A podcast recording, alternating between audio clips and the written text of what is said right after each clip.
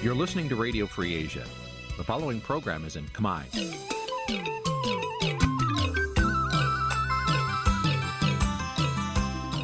នេះជាកម្មវិធីផ្សាយ Vuthu Azizi Serai នេះជាកម្មវិធីផ្សាយរបស់ Vuthu Azizi Serai ជាភាសាខ្មែរ Vuthu Azizi Serai សូមស្វាគមន៍លោកអ្នកនាងទាំងអស់ពីរដ្ឋធានី Washington នៃសហរដ្ឋអាមេរិក។ ចាប់ពីរដ្ឋធានី Washington នាងខ្ញុំម៉ៃសុធានីសូមជម្រាបសួរលោកអ្នកនាងកញ្ញាទាំងអស់ជាទីមេត្រី ចាយើងខ្ញុំសូមជូនការផ្សាយសម្រាប់ព្រឹកថ្ងៃប្រហ័ស11កើតខែផល្គុនឆ្នាំខាលចត្វាស័កពុទ្ធសករាជ2566ហើយដល់ត្រូវនឹងថ្ងៃទី2ខែមីនា គ្រិស្តសករាជ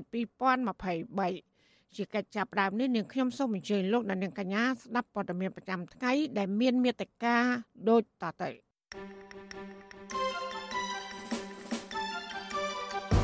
លោកហ៊ុនសែនស្នើឲ្យសង្គមស៊ីវិលនិងបកប្រឆាំងគោរពសិទ្ធិមនុស្សក្រោយរងការរិះគន់ថាលោកបានទិញសកម្មជនបរិស្ថាន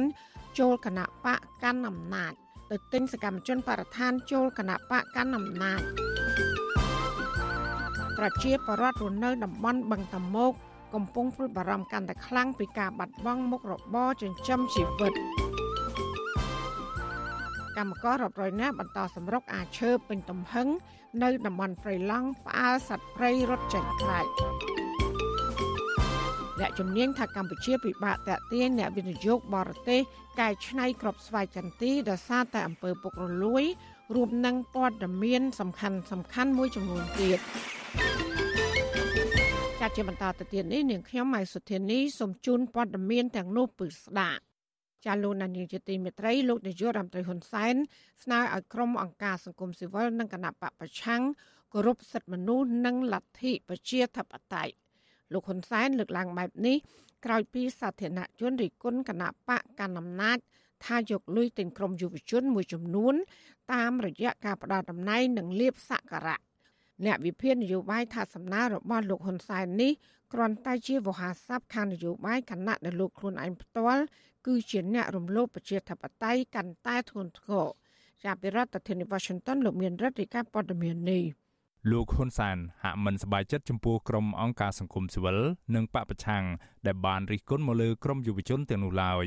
លោកថ្លែងឌឺដងថាអ្នកដែលតាំងខ្លួនជាអ្នកប្រជាធិបតេយ្យ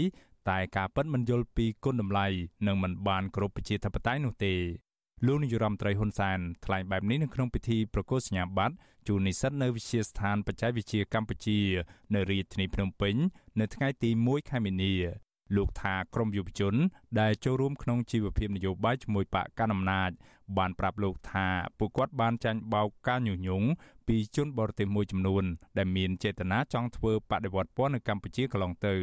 ដូច្នេះលោកថាការសម្រេចចិត្តមកចូលរួមនឹងបកកណ្ដាលអំណាចនេះ គឺជារឿងល្អហើយជាសិទ្ធិរបស់ពួកគាត់នៅក្នុងប្រទេសប្រជាធិបតេយ្យចឹងចំណុចនេះខ្ញុំគ្រាន់តែជម្រាបទៅអស់លោកអ្នកដែលតាំងខ្លួនជាមនុស្សប្រជាធិបតេយ្យក៏ប៉ុន្តែมันបានគោរពប្រជាធិបតេយ្យពិតប្រាកដទេអ្នកតល់តែមនុស្សគ្រប់គ្រងអ្នកឯងទើបណៃចាត់ទុកថាមនុស្សល្អប៉ុន្តែឲ្យតែមកគ្រប់គ្រងរដ្ឋាភិបាលគឺសុទ្ធតែមនុស្សលក់ឧត្តមកតេហើយធ្ងន់ធ្ងរជាងនេះគឺប្រមាថថាអ្នកទាំងនេះជាកញ្ចេះបរទេសក្នុងពេលដែលខ្លួនស៊ីលុយបរទេសដើម្បីប្រឆាំងខ្មែរទៅទៀត ការលើកឡើងរបស់លោកហ៊ុនសែននេះត្រូវបានអ្នកវិភាគនយោបាយរិះគន់ថាជាការនិយាយដើម្បីបង្ហាញថាខ្លួនជាមនុស្សល្អក៏ប៉ុន្តែការពិតក្រោមការដឹកនាំរបស់លោកហ៊ុនសែនអស់រយៈពេលជិត40ឆ្នាំមកនេះអង្គការជាតិនិងអន្តរជាតិរកឃើញថាលោកហ៊ុនសែនបានជាប់ឈ្មោះជាមេដឹកនាំផ្ដាច់ការនិងបានធ្វើទុកបុកម្នេញមកលើស្ថាប័នសារព័ត៌មានអ្នកនយោបាយនិងសកម្មជនសិទ្ធិមនុស្សតាមទំនឹងចិត្ត ឧទាហរណ៍ថ្មីថ្មីនេះលោកហ៊ុនសែនបានបញ្ជាឲ្យបិទវិទ្យុសំឡេងប្រជាធិបតេយ្យឬ VOD និងប្រើប្រាស់ប្រព័ន្ធតុលាការឯកបៈរបស់លោក តាមយាយីទៅលើមន្ត្រីបពប្រឆាំងជាបន្តបន្ទាប់ដូចជាអនុប្រធានគណៈបកភ្លើងទៀនលោកសុនឆៃឧត្តមទីប្រឹក្សាគណៈបកភ្លើងទៀនលោកគង់គំនិងបានចាប់ខ្លួនអនុប្រធាននិងជាអ្នកណែនាំពាក្យគណៈបកភ្លើងទៀនលោកថាច់សថាដាក់ពន្ធនាគារដោយសារតែពួកគេរិះគន់រដ្ឋាភិបាលលោកហ៊ុនសែននិងរិះគន់ពីភាពមិនប្រក្រតីនៃការបោះឆ្នោតឃុំសង្កាត់កន្លងទៅ អ្នកជំនាញផ្នែកវិជាសាស្ត្រនយោបាយលោកអែមសវណ្ណារាប្រាវិសុយស៊ីស្រីថាការលើកឡើងរបស់លោកនាយរដ្ឋមន្ត្រីហ៊ុនសែនឲ្យអង្គការសង្គមស៊ីវិលនិងបពប្រឆាំងគោរពសិទ្ធិមនុស្សនិងប្រជាធិបតេយ្យនេះគ្រាន់តែជាវោហារស័ព្ទនយោបាយតែប៉ុណ្ណោះក៏ប៉ុន្តែលោកថាលោកហ៊ុនសែនគួរតែប្រកាន់គោលការណ៍ច្បាប់ល្អជាងប្រើវោហារស័ព្ទដើម្បីតែវាប្រហារគ្នា លោកបន្តថាស្ថានភាពសិទ្ធិមនុស្សនិងប្រជាធិបតេយ្យនៅកម្ពុជា គឺចាំបាច់ណាស់តម្រូវឲ្យមានការគោរពគ្នាទៅវិញទៅមក នៅក្នុងនាមបកប្រឆាំងនិងរដ្ឋាភិបាលខ្លួនឯង ការជំរុញឲ្យអ្នកនយោបាយឧទាហរណ៍ថាទាញយុវជនយកយុវជនមកមកគេហៅថាមកប្រឈមមុខគ្នាមកប្រយុទ្ធនឹងយុវជននឹងវាជារូបភាពមិនល្អសម្រាប់ការធ្វើឲ្យសង្គមកម្ពុជាបដោះនៅវប្បធម៌គេហៅថារគួនឬក៏បែកខ្ញែកគ្នាមិនមានទស្សនៈអាចរួបរวมគ្នាបានណាខ្ញុំមិនសាទរទេយើងគួរប្រកាន់គោលការណ៍ច្បាប់ឲ្យបែបច្បាប់នោះឲ្យមានគេហៅថាសេរីយុត្តិធម៌ត្រឹមត្រូវកុំឲ្យចូលលើគោលការណ៍ត្រឹមតែគេហៅថាប្រើឥទ្ធិពលអំណាចយកមកប្រើប្រាស់គ្រប់សង្កត់លើច្បាប់បាទចំណែកឯអ្នកនាំពាក្យសមាគមការពារសិទ្ធិមនុស្សអាត6លោកសឹងសានករណាលើកឡើងថានៅក្នុងប្រទេសដែលប្រកាន់គោលការណ៍ប្រជាធិបតេយ្យគេមិនផុតពីការរិះគន់របស់ប្រជាពលរដ្ឋឬអ្នកនយោបាយនោះទេលោកបន្តថានៅក្នុងគោលការណ៍ប្រជាធិបតេយ្យអ្នកដែលជាតួអង្គពិតប្រាកដក្នុងការរំលោភសិទ្ធិមនុស្សនិងប្រជាធិបតេយ្យគឺអ្នកដឹកនាំរដ្ឋទាំងមូលបើសិនជាអ្នកទាំងនោះមិនគោរពច្បាប់ឲ្យបានត្រឹមត្រូវនោះទេ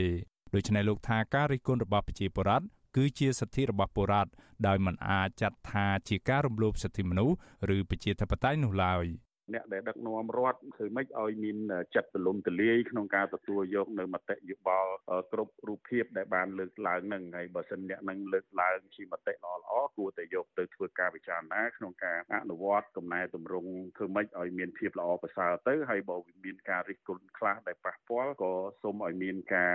អត់ធ្មត់ជាជាងដែលយើងទៅប្រើប្រាស់នៅមធ្យោបាយណាមួយដែលជារូបភាពគម្រាមកំហែងធ្វើឲ្យបន្ទុយប្រអាក់នៅស្មារតី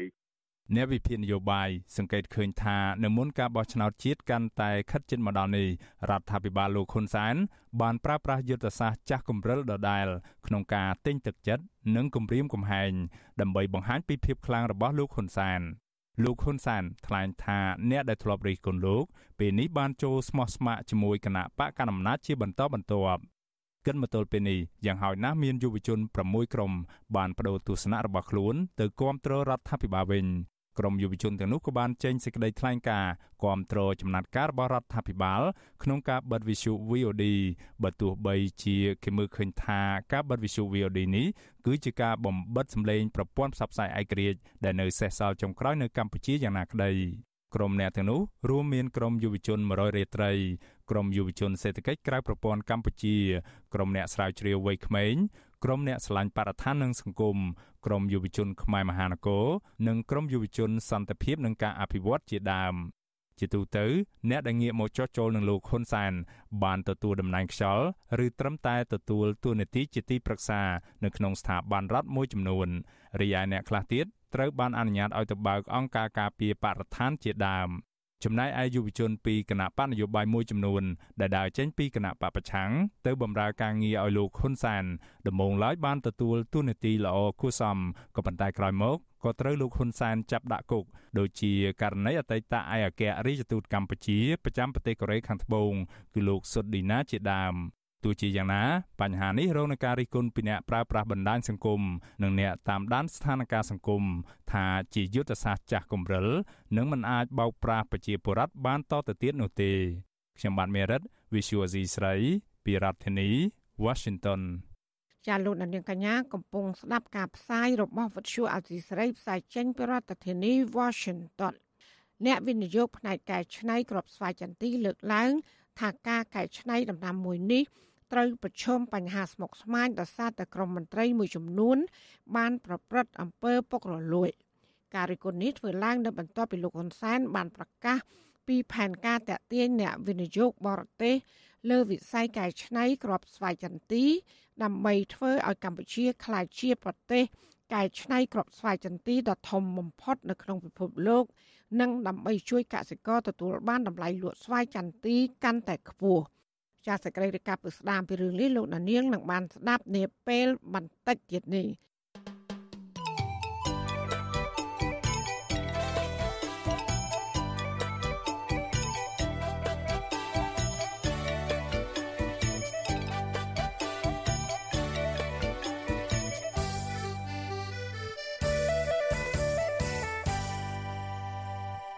លោកនានីជាទីមេត្រីប្រជាប្រដ្ឋមួយចំនួន ដែលរងគ្រោះពីការចាក់ដីលុបបឹងតាមុកកាន់តែព្រួយបារម្ភពីការបាត់បង់របរចិញ្ចឹមជីវិតខណៈដែលពួកគាត់បានបាត់បង់ចំណូលប្រចាំថ្ងៃដោយសារតែការចាក់ដីលុបបឹង មន្ត្រីសង្គមស៊ីវិលថារដ្ឋាភិបាលគួរតែធ្វើការអភិវឌ្ឍប្រកបដោយតម្លាភាពដើម្បីឲ្យប្រជាប្រដ្ឋនៅមូលដ្ឋានអាចទទួលបានផលប្រយោជន៍ពីការអភិវឌ្ឍនិងមិនបង្កផលរងគ្រោះដល់ប្រជាពលរដ្ឋចាលោកសេកបណ្ឌិតរាយការណ៍ព័ត៌មាននេះពលរដ្ឋដែលប្រកបរបរហាលថ្ងៃហាលភ្លៀងត្រាំខ្លួននៅក្នុងភក់រកត្រីរាវលៀសរាវខ្យងដកឈូកនៅបឹងតមោក កំពុងតែប្រឈមនឹងការបាត់បង់ប្រាក់ចំណូលប្រចាំថ្ងៃរបស់ពួកគេ បន្ទាប់ពីការចាក់ដីលុបបឹងទាំងយប់ទាំងថ្ងៃដោយពុំមានអាជ្ញាធរណាអើពើទប់ស្កាត់នោះឡើយ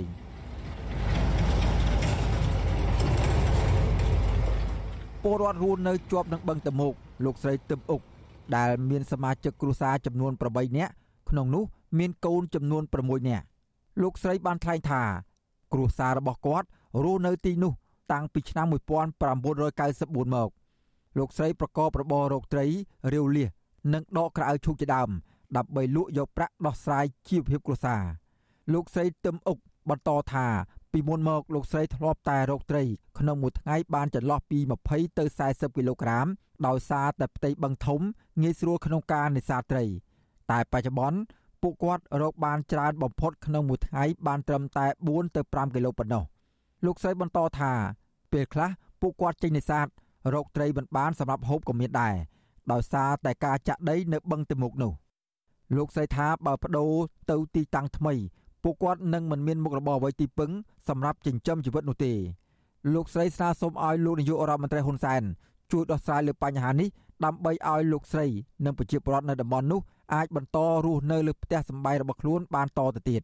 សូមសម្ដេចជួយកូនខ្ញុំនៅទូចទូចខ្ញុំបានអេងចាំកូនខ្ញុំមកចាក់លុបដីស្រះអាស្រ័យផលរបស់ខ្ញុំចការជូករបស់ខ្ញុំដូចបងឯងឃើញស្រាប់ហើយខ្ញុំមានរៃទីប៉ឹងមានតដកកៅជូកចិញ្ចឹមត្រីបេះតកូនបេះកឆែតយកទៅលក់នៅផ្សារទៅបានលុយចិញ្ចឹមឆ្នាំងរាល់ថ្ងៃកូនទៅរៀន5 6នាក់ អ្នកអត់រៀនមកតែទូចមួយនេះទេហើយខ្ញុំបានលុយណាកូនទៅរៀនបើពុកផ្លាញរបស់ខ្ញុំអស់ហើយលុបចិត្តអស់ហើយពួកខ្ញុំគ្មានអីទេ ស្រដៀងគ្នាដែរកូនស្រីលោកស្រីទឹមអុក គឺកុមារីសីតីដែលទើបមានអាយុ8ឆ្នាំ បាននិយាយថា តាំងពីក្រុមហ៊ុនលុបបឹងមក ម្ដាយរបស់នាងមិនមានលុយកាក់ផ្ដល់ឲ្យនាង បានចាយវាយដោយពីមុននោះឡើយកុមារីរូបនេះបារម្ភខ្លាចការចាក់ដីនោះ លុបទាំងផ្ទះរបស់ខ្លួនថែមទៀតលោកបីនៅផ្ទះខ្ញុំចិត្តនៅនឹងមួយម៉ែខ្ញុំហើយគេចេះអាណិតពួកខ្ញុំហងគេលុបរហូតគេដល់ផ្ទះពួកខ្ញុំហើយហើយទឹកការីងហើយរត់ទៅបានហងខ្ញុំតាមមហូបហ្នឹងហើយបើគេចាក់លុបបានមហូបណាឆៃទៀតចំណែកឯពលរដ្ឋម្នាក់ទៀតគឺលោកស្រីវឿនធាដែលរស់នៅក្បែរបឹងតមោកនោះថ្លែងថា ពួកគាត់រស់នៅអាស្រ័យលើមុខរបររកត្រីបេះឈូកបេះបន្លែបន្លុកគ្រាន់បានកម្រៃចិញ្ចឹមជីវិតប្រសិនបើដោះដូរឲ្យពួកគាត់ទៅកាន់ទីតាំងថ្មីនោះលោកស្រីមិនដឹងជាមានមុខរបរអ្វីដើម្បីរកប្រាក់ចិញ្ចឹមជីវិតបាននោះទេសំណុំពរដល់សម្ដេចហ៊ុនសែនជួយកូនចៅផងផ្អាក់ចាក់ផ្អាក់អីទៅទុកឲ្យកូនចៅរស់ស៊ីខ្លះឈប់ចាក់ឈប់អីទៅ ឲ្យកូនចៅរស់ស៊ីខ្លះកូនចៅក្រក្រណាខំគោរពស្រឡាញ់ដល់លោកហ៊ុនសែនអញ្ចឹងហើយសូមលោកមេត្តាឈប់លុកទៅកុំឲ្យកូនចៅពិបាកវេទនាទៀតវុទ្ធុអាស៊ីស្រីនៅពុំតាន់អាចតាក់ទងអ្នកនាំពាក្យសាលារាជធានីភ្នំពេញលោកមេតមាសភក្តីបានដល់ឡើយទេ នៅថ្ងៃទី1មិនិនាក៏ឡោមកអាជ្ញាធរធ្លាប់បានសម្លោះសម្រួលដោះដូរទីលំនៅរបស់ពួកគាត់ឲ្យទៅរស់នៅលើទីតាំងថ្មីដែលនៅក្បែរទីតាំងចាស់ ក្នុងសង្កាត់សំរោងនោះដូចគ្នាជុំវិញរឿងនេះប្រធានផ្នែកស្រាវជ្រាវនិងតស៊ូមតិនៃសមាគមបណ្ដាញយុវជនកម្ពុជា លោកហេងកឹមហុងមានប្រសាសន៍ថារដ្ឋាភិបាលគួរតែធ្វើការអភិវឌ្ឍប្រកបដោយតម្លាភាពដោយផ្ដល់នូវសំណងសមរម្យអាចទទួលយកបាន លោកបន្ថែមថារដ្ឋគួរតែគិតគូររកដំណោះស្រាយជូនដល់ប្រជាពលរដ្ឋជៀសវាងការអភិវឌ្ឍដែលធ្វើឲ្យប្រជាពលរដ្ឋរងគ្រោះឬមិនទទួលបានផលប្រយោជន៍ ហើយមានតែទឹកភ្នែកយំសោក ឬរងការបណ្ដេញចេញពីលំនៅឋានទាំងបង្ខំ ត្រូវតែដោះស្រាយបញ្ហាទាំងអស់ពួកគាត់កុំឲ្យគាត់ខ្លាចជាអ្នកខុសច្បាប់នៅលើគណៈពេលដែលគាត់រស់នៅយូរយារណាស់មកហើយនៅលើមូលដ្ឋានរស់នៅរបស់គាត់ណាអានេះជាអ្វីដែលខ្ញុំបង្ហាញជាបើសិនជាមានឈ្នះអ្នកឈ្នះមានអ្នកចាញ់មានអ្នកបដិញ្ញចេញពលរដ្ឋសម្ដែងនៅការមិនសុខចិត្តចោតប្រកាន់ពលរដ្ឋខ្លាចពលរដ្ឋខុសច្បាប់អានេះជារឿងមួយមិនល្អមើលទេដែលវាបង្ហាញអំពីភាពមិនទាន់គ្រប់ជ្រុងជ្រោយនៃការទទួលបានផលប្រយោជន៍ពីការអភិវឌ្ឍមួយប្រកបដែលរដ្ឋគួរតែធ្វើការពិចារណាឡើងចំពោះរឿងនេះបាទ បឹងតមោកឬបឹងកប់ស្រូវមានផ្ទៃដីសរុបជាង3000ហិកតា ជាអាងស្តុកទឹកកខ្វក់រំដោះទឹកចេញពីក្នុងរាជធានីភ្នំពេញនិងបំរើឲ្យប្រជាពលរដ្ឋឬសហគមន៍មូលដ្ឋានអាស្រ័យផលចិញ្ចឹមជីវិតប្រចាំថ្ងៃបឹងមួយនេះត្រូវរដ្ឋាភិបាលចេញអនុក្រឹត្យកាលពីដើមខែកុម្ភៈឆ្នាំ2016ដោយកំណត់ថាជាសម្បត្តិសាធារណៈរបស់រដ្ឋអនុក្រឹត្យរបស់រដ្ឋាភិបាលដែលបានចេញជាបន្តបន្ទាប់តាំងពីឆ្នាំ2018មក ដល់ចុងខែធ្នូឆ្នាំ2021បានបញ្ជាក់ថាផ្ទៃបឹងតមោកសរុបជាង2000ហិកតាត្រូវបានរដ្ឋាភិបាលកាត់ជ្រឿឬដោះដូរឲ្យទៅស្ថាប័នរដ្ឋក្រុមហ៊ុនឯកជន និងបុគ្គលឯកជនមួយចំនួន ដែលគេដឹងថាជាអ្នកមានលុយមានអំណាចនិងក្រុមមនុស្សដែលជិតស្និទ្ធជាមួយលោកហ៊ុនសែនសម្រាប់សាងសង់អគារនិងហេដ្ឋារចនាសម្ព័ន្ធផ្សេងៗព្រមទាំងធ្វើជាកម្មសិទ្ធិផ្ទាល់ខ្លួនពលរដ្ឋនិងសង្គមស៊ីវិល ទទូចដល់រដ្ឋាភិបាលមានដំណោះស្រាយជុំវិញបញ្ហានេះដល់ប្រជាពលរដ្ឋនៅតំបន់បឹងតមោកដោយសន្តិវិធីនិងផ្ដល់សំណងសមរម្យដើម្បីឲ្យពួកគាត់អាចរស់នៅ និងមានមុខរបររកប្រាក់ដោះស្រាយចិញ្ចឹមជីវិតប្រចាំថ្ងៃខ្ញុំបាទសេកបណ្ឌិតវុទ្ធុអាស៊ីសេរីពីរដ្ឋធានីវ៉ាស៊ីនតោន ចាលោកនាយកជាទីមេត្រីប្រជាសហគមន៍នេសាទដែលរស់នៅតាមដងទន្លេមេគង្គក្នុងខេត្តក្រចេះបានស្នើរដ្ឋាភិបាលគួរមានកញ្ចប់ថវិកាឧបត្ថម្ភសម្រាប់ការចុះល្បាតទប់ស្កាត់ការនេសាទខុសច្បាប់ដែលកំពុងគម្រាមកំហែងកាន់តែខ្លាំងដល់ការរស់នៅរបស់សត្វផ្សោត ការស្នើសុំនេះបានធ្វើឡើងនៅបន្ទាប់ពីរដ្ឋាភិបាល បានចេញអនុក្រឹត្យកំណត់ទីតាំងទន្លេមេគង្គនៅក្នុងខេត្តកោះចេះនិងខេត្តស្ទឹងត្រែងសម្រាប់អភិរក្សនិងការពារសត្វផ្សោតឲ្យបានគង់វង្សចាសសូមស្ដាប់សេចក្តីរាយការណ៍របស់អ្នកស្រីសុជីវីជុំវិញព័ត៌មាននេះប្រធានសហគមន៍នេសាទភូមិយាវឃុំកំពង់ចាមស្រុកសម្បូរខេត្តក្រចេះលោកថឹករដ្ឋាយាប្រាប់វិទ្យុអាស៊ីសេរីកាលពីថ្ងៃទី1ខែមិនិនាថាកន្លងមក ការចុះល្បាតទប់ស្កាត់បទល្មើសនេសាទខុសច្បាប់ដូចជាឆក់ការដាក់មងក្រឡាធំធំជាដើមភ្នាក់ច្រើនធ្វើឡើងដោយក្រុមសហគមន៍នេសាទប៉ុន្តែនៅរយៈពេលជិត2ឆ្នាំមកនេះសហគមន៍មួយចំនួននៅឃុំកំពង់ចាមបានផ្អាកចុះល្បាតដោយសារតែលែងទទួលបានថវិកាឧបត្ថម្ភពីក្រុមអង្គការអភិរក្សនិងការពារជីវៈចម្រុះទន្លេមេគង្គដូចជាអង្គការមូលនិធិសត្វព្រៃពិភពលោក WWF និងអង្គការអភិវឌ្ឍភូមិភាគឦសាន NRD ជាដើម។ សូមស្នើនិយាយទៅមុខរដ្ឋាភិបាលឬក៏ស្ថាប័នពាក់ព័ន្ធជួយជាមធ្យោបាយជាថវិកាសម្រាប់ឲ្យគាត់ចុះគ្រប់សហគមន៍មកថ្ងៃនេះមានតែសហគមន៍ទេប៉ុន្តែអត់មានមធ្យោបាយចុះដើម្បីចុះល្បាតចុះខ្លំមើលចុះការពេទីពីរបើពឹងឯកទៅលើនៃខណ្ឌជលផលគាត់មានគ្នាតិចប្រធានសហគមន៍នេសាទរូបនេះបន្តថាពលរដ្ឋនៅសហគមន៍របស់លោកតែងឆ្លាស់គ្នា ចុះល្បាតនៅតាមតំបន់សត្វផ្សោតរស់នៅដែលម្ដងមានគ្នាពី2ទៅ3នាក់ក្នុងម្នាក់ទទួលបានប្រាក់ឧបត្ថម្ភ10ដុល្លារដើម្បីចុះល្បាតជាមួយសហគមន៍នេសាទផ្សេងទៀតគឺមួយយប់ទល់ភ្លឺទើបនាំគ្នាចូលផ្ទះវិញលោកបន្តថាដើម្បីអភិរក្សសត្វផ្សោតឲ្យកាន់តែមានប្រសិទ្ធភាពក្រៅពីការចុះល្បាតរដ្ឋាភិបាលគួរតែលុបបំបាត់ឧបករណ៍ឆក់និងមងក្រឡាធំធំដែលអាចបង្កគ្រោះថ្នាក់ទៅដល់សត្វផ្សោត។ ការលើកឡើងពីប្រធានសហគមន៍នេសាទនេះបានធ្វើឡើងបន្ទាប់ពីមានអនុក្រឹត្យចុះហត្ថលេខាដោយលោកយមត្រីហ៊ុនសែនកាលពីថ្ងៃទី27ខែកុម្ភៈបានកំណត់តំបន់ទន្លេមេគង្គប្រវែង120គីឡូម៉ែត្រចាប់ពីចំណុចក្រោមស្ពានមិត្តភាពកម្ពុជាចិននៅក្នុងខេត្តស្ទឹងត្រែងរហូតដល់ក្បាលកោះទ្រង់នៅក្នុងខេត្តក្រចេះធ្វើជាតំបន់ការពារនិងអភិរក្សសត្វផ្សោតដែលគេចាត់ទុកថាជារតនសម្បត្តិធម្មជាតិមានជីវិតដ៏ពិសិដ្ឋ អនុក្រឹត្យបន្តថាតំបន់ការពារនិងអភិរក្សនេះត្រូវទុកជាកន្លែងសម្រាប់រស់នៅ ផ្លាស់ទីស្វែងរកចំណីនិងបន្តពូជរបស់សត្វផ្សោតហើយត្រូវហាមឃាត់រាល់សកម្មភាពមួយចំនួនដូចជាការនេសាទគ្រប់ប្រភេទការធ្វើវារីវប្បកម្មឬចិញ្ចឹមត្រី ការបើកនាវាឆ្លងកាត់ដោយមានឧបករណ៍នេសាទការតាំងទីលំនៅ និងសកម្មភាពផ្សេងផ្សេងទៀតដែលធ្វើឲ្យប៉ះពាល់ទៅដល់ធនធានជលផល កំពុងរងគ្រោះថ្នាក់ជាពិសេស សសត្វផ្សោតនៅក្នុងតំបន់អភិរក្សបន្ថែមពីនេះការនេសាទដោយប្រើមងឬសន្ទូចរនងនិងឧបករណ៍នេសាទខ្នាតធំត្រូវហាមឃាត់នៅក្នុងតំបន់ដែលចាត់ទុកថាជាកន្លែងការពារអង្គការមូលនិធិសត្វព្រៃពិភពលោកបានសាទរចំពោះការចេញអនុក្រឹត្យនេះអង្គការនេះបានបង្ហោះសារនៅលើ Facebook របស់ខ្លួនថាផែនការកំណត់និងការគ្រប់គ្រងតំបន់ទីជម្រកច្បាស់លាស់និងការបោះបង្គោលព្រំដែនជាក់លាក់នៅក្នុងតំបន់ទីជម្រកសត្វផ្សោត និងជំរុញការអនុវត្តច្បាប់ និងការងារល្បាតតាមដងទន្លេប្រកបដោយប្រសិទ្ធភាពវិទ្យុអាស៊ីសេរីមិនអាចសុំការបំភ្លឺបន្ថែមពីមន្ត្រីនាំពាក្យក្រសួងបរិស្ថានលោកនេតភត្រានិងប្រធានរដ្ឋបាលជលផលនៃក្រសួងកសិកម្មរុក្ខាប្រមាញ់និងនេសាទលោកពុំស៊ីថាបានទេដោយសារទូរស័ព្ទហៅចូលតែគ្មានអ្នកទទួលប៉ុន្តែលោកនេតភត្រាបានប្រាប់កាសែតភ្នំពេញប៉ុស្តិ៍ថាអនុក្រឹត្យនេះនឹងជួយឲ្យសត្វផ្សោតទទួលបានសវត្ថិភាពបន្ថែម ធ្វើឲ្យចំនួនកើនឡើងនិងមិនស្លាប់ច្រើនដូចពេលនេះទេគណៈក្រសួង កំពុងរៀបចំចងក្រងឯកសារដើម្បីស្នើសុំដាក់តំបន់សត្វផ្សោតកម្ពីនៅក្នុងខេត្តស្ទឹងត្រែងរហូតដល់ព្រំដែនឡាវជាតំបន់បេតិកភណ្ឌធម្មជាតិពិភពលោក នៅក្នុងបញ្ជីអង្គការ UNESCO ពលរដ្ឋដែលរស់នៅជិតអន្លង់សត្វផ្សោតកោះផ្ដៅនៅឃុំកំពង់ចាមលោកស្រីអេនលីតាលើកឡើងថាក្រៅពីបង្ក្រាបការនេសាទខុសច្បាប់ឲ្យមានប្រសិទ្ធភាព អាជ្ញាធរក៏គួរតែចុះអប់រំប្រជាពលរដ្ឋនៅតាមដងទន្លេឲ្យឈប់បំពុលបរិស្ថានទន្លេ ដូចជាចិញ្ចឹមជ្រូក និងការបង្ហូរលាមកជ្រូកចូលទៅក្នុងទន្លេជាដើមពេលខ្លះក៏មានសម្រាមការចោលសម្ភារៈផ្ទះបាយចូលក្នុងទឹកទន្លេក៏មានដែរដូចជាការធ្វើទ្រឹងជ្រូកអីនៅជាប់មាត់ទន្លេឆ្លើយតបនឹងការលើកឡើងនេះមេឃុំកំពង់ចាមលោកឈិតណនបានលើកឡើងថា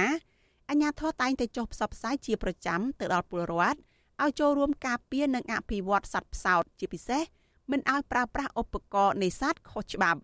នឹងចំណុចយើងខ្ញុំមានផ្សព្វផ្សាយនឹងហើយគឺក៏ទៅយ៉ាងម៉េចយើងអត់សាវិកាអីណាប៉ុន្តែយើងផ្សព្វផ្សាយជាប្រចាំហើយអង្គការមូលនិធិសត្វព្រៃពិភពលោកបានបញ្ជាក់ថាយោងតាមជំរឿនឆ្នាំ2020សត្វផ្សោតរស់នៅទន្លេមេគង្គនៅក្នុងខេត្តក្រចេះនិងខេត្តស្ទឹងត្រែងមានចំនួនប្រមាណ89ក្បាលប៉ុន្តែដោយសារការគម្រាមកំហែងផ្សេងផ្សេងដូចជាការនេសាទខុសច្បាប់ និងការសាងសង់ទំនប់វារីអគ្គិសនីនៅប៉ែកខាងលើនៃទន្លេមេគង្គបានធ្វើឲ្យសត្វផ្សោតងាប់សរុប29ក្បាល នៅក្នុងរយៈពេល3ឆ្នាំចុងក្រោយនេះក្នុងនោះ11ក្បាលបានងាប់នៅក្នុងឆ្នាំ2022អង្គការមួយនេះបន្តអំពាវនាវឲ្យអាជ្ញាធរពាក់ព័ន្ធទាំងអស់ត្រូវតែពង្រឹងការអនុវត្តច្បាប់ជាបន្ទាន់ក្នុងការបង្កើនការចូលល្បាតទាំងយប់ទាំងថ្ងៃដើម្បីឲ្យសត្វផ្សោតដែលនៅសេសសល់នេះអាចបន្តកើតកូនចៅតទៅមុខទៀតបាន នាងខ្ញុំសុជីវីវិទ្យុអាស៊ីសេរីពីរដ្ឋធានី Washington ចាលោកនាងកញ្ញាកំពុងស្ដាប់ការផ្សាយរបស់វិទ្យុអាស៊ីសេរីផ្សាយចេញពីរដ្ឋធានី Washington ជាដំណើរគ្នានឹងស្ដាប់ការផ្សាយរបស់វិទ្យុអស៊ីសេរីតាមបណ្ដាញសង្គម Facebook និង YouTube លោកអ្នកនាងកញ្ញាក៏អាចស្ដាប់ការផ្សាយរបស់វិទ្យុអស៊ីសេរីតាមរយៈរលកធាតុអាកាសខ្លីឬ Shortwave តាមកម្រិតនិងកម្ពស់ដូចតទៅចាប់ពេលព្រឹកចាប់ពីម៉ោង5កន្លះដល់ម៉ោង6កន្លះតាមរយៈប៉ុស SW 9.39 MHz ស្មើនឹងកម្ពស់32ម៉ែត្រនិងប៉ុស SW 11.85 MHz ស្មើនឹងកម្ពស់25ម៉ែត្រចាសសម្រាប់ពេលយប់វិញចាប់ពីម៉ោង7កន្លះដល់ម៉ោង8កន្លះ តាមរយៈប៉ុស SW 9.39 MHz ស្មើនឹងកម្ពស់32ម៉ែត្រប៉ុស SW 11.88 MHz ស្មើនឹងកម្ពស់25ម៉ែត្រនិងប៉ុស SW 15.15 MHz ស្មើនឹងកម្ពស់20ម៉ែត្រចាសសូមអរគុណលោកនានីជាទីមេត្រីពាក់ព័ន្ធនឹងគ្រឿងញៀនវិញ នារយៈពេលប្រមាណឆ្នាំចុងក្រោយនេះអ ுக ្រិតកម្មគ្រឿងញៀនបានកើនឡើងយ៉ាងគំហុកតាមរយៈក្រុមឈ្មួញដឹកឆ្លងដែន និងលួចបើករោងចក្រផលិតនៅកម្ពុជាថ្មីត្បិតតែមានការបង្ក្រាបជនល្មើសជាហូរហែក្តីក៏ប៉ុន្តែក្រិតជនគ្រឿងញៀនដែលជាមេខ្លោងធំធំ ហាក់ពុំខ្លាចញញើតច្បាប់កម្ពុជានោះឡើយ អញ្ញាធរជាតិឲ្យដឹងថាកាលពីឆ្នាំ2022មានមេខ្លោងជាច្រើនអ្នកបានរត់គេចខ្លួនទៅក្រៅប្រទេសក្រោយពីពួកគេបានប្រតិបត្តិការលើអាជីវកម្មជួញដូរនិងការផលិតគ្រឿងញៀនចាលោកលេងម៉ាលីរាយការណ៍ព័ត៌មាននេះក្រុមអ ுக ្រិតជន ជាមេខ្លោងគ្រឿងញៀនមួយចំនួនដែលសមត្ថកិច្ចចុះបង្ក្រាបបានទ្រង់ទ្រាយធំនៅទីតាំងដូចជាខេត្តកំពង់ស្ពឺខេត្តព្រះសីហនុនិងនៅរាជធានីភ្នំពេញកាលពីឆ្នាំ2022កន្លងទៅ បានរត់គេចខ្លួនទៅក្រៅប្រទេសអគ្គលេខាធិការនៃអគ្គលេខាធិការដ្ឋានអាជ្ញាធរជាតិប្រយុទ្ធប្រឆាំងគ្រឿងញៀនលោកមាសវិរិទ្ធប្រាប់វិទ្យុអស៊ីសេរីនៅថ្ងៃទី1មីនាថាក្រុមអ ுக ្រិតជនរត់គេចខ្លួនទាំងនោះគឺជាជនបរទេសនិងមានជនជាតិខ្មែរផង។លោកមិនបានបញ្ជាក់ពីចំនួនក្រុមអក្រិតជនដែលរត់គេចខ្លួននោះទេប៉ុន្តែលោកអះអាងថាពួកគេប្រព្រឹត្តបទល្មើសនៅកម្ពុជាច្រើនករណីទៀតក្រៅពីពួកគេធ្វើប្រតិបត្តិការជួញដូរគ្រឿងញៀននៅកម្ពុជា លោកអះអាងទៀតថាកាលពីឆ្នាំកន្លងទៅ សមត្ថកិច្ចកម្ពុជាបានសហការជាមួយប៉ូលីសអន្តរជាតិគឺអង់តេប៉ូលច្រើនករណីតាក់ទងនឹងការស្នើសុំចេញនិវេតក្រហមឲ្យចាប់ខ្លួនពួកគេ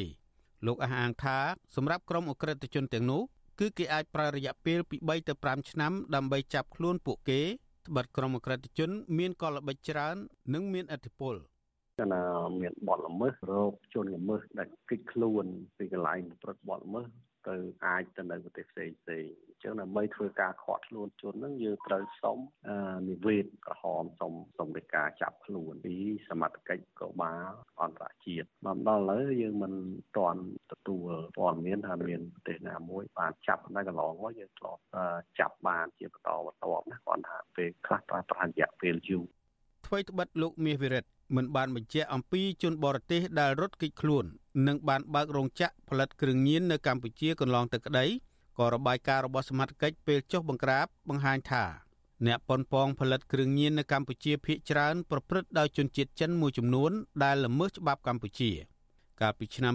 2022កន្លងទៅបទល្មើសគ្រឿងញៀនកើតមានឡើងច្រើនករណីដោយក្រុមឈ្មួញដឹកឆ្លងដែននិងនាំសារធាតុគីមីដើម្បីផលិតជាគ្រឿងញៀនលើទឹកដីខ្មែរ។ គោលដៅសំខាន់ដែលក្រុមអ ுக ្រិតជនបើករោងចក្រដើម្បីផលិតគ្រឿងញៀនមានដូចជាខេត្តព្រះសីហនុកំពង់ស្ពឺ ស្វាយរៀងព្រៃវែងកណ្ដាលនិងនៅរាជធានីភ្នំពេញជាដើមកាលពីខែធ្នូឆ្នាំ2021អាជ្ញាធរកម្ពុជាបានបិទរោងចក្រផលិតដំណាប់ស្វាយមួយកន្លែងនៅខេត្តកំពង់ស្ពឺក្រោយពីរកឃើញថាក្រុមឈ្មួញជនជាតិចិនប្រមាណ10នាក់លួចផលិតគ្រឿងញៀនទ្រង់ទ្រាយធំ។ រហូតមកដល់ខែមករាឆ្នាំ2022ក្រុមអ ுக ្រិតជនបានលួចផលិតនៅខេត្តកំពង់ស្ពឺទ្រង់ទ្រាយធំជាលើកទី2ហើយសមត្ថកិច្ចរឹបអូសផលិតផលថ្នាំកេតាមីនថ្នាំសំយោគនិងសារធាតុផ្សំផ្សេងផ្សេងសរុបចំនួនជិត62តោនក្នុងនោះមានសារធាតុដើមកេតាមីន750គីឡូក្រាម និងជាកាកសំណល់កេតាមីនចំនួនជាង5តោន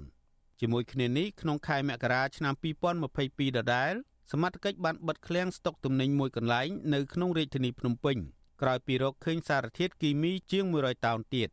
ដោយឡែកកាលពីខែឧសភាឆ្នាំ2022អាជ្ញាធរថ្នាក់ជាតិបង្ក្រាបកន្លែងកែច្នៃគ្រឿងញៀនខុសច្បាប់មួយទៀតហើយរឹបអូសបានថ្នាំកេតាមីនជាង40គីឡូក្រាមសារធាតុរំលាយចម្រុះដែលមានផ្ទុកគ្រឿងញៀនជាង1តោននិងសារធាតុគីមីផ្សេងទៀតជាង11តោននៅខែកក្កដាឆ្នាំ2022 អាជ្ញាធរបង្ក្រាបកន្លែងកែច្នៃមួយនិងកន្លែងស្តុកទុកចំនួន6កន្លែងហើយរឹបអូសបានថ្នាំកេតាមីនជិត2តោននិងសារធាតុគីមីផ្សេងទៀតជាង200តោន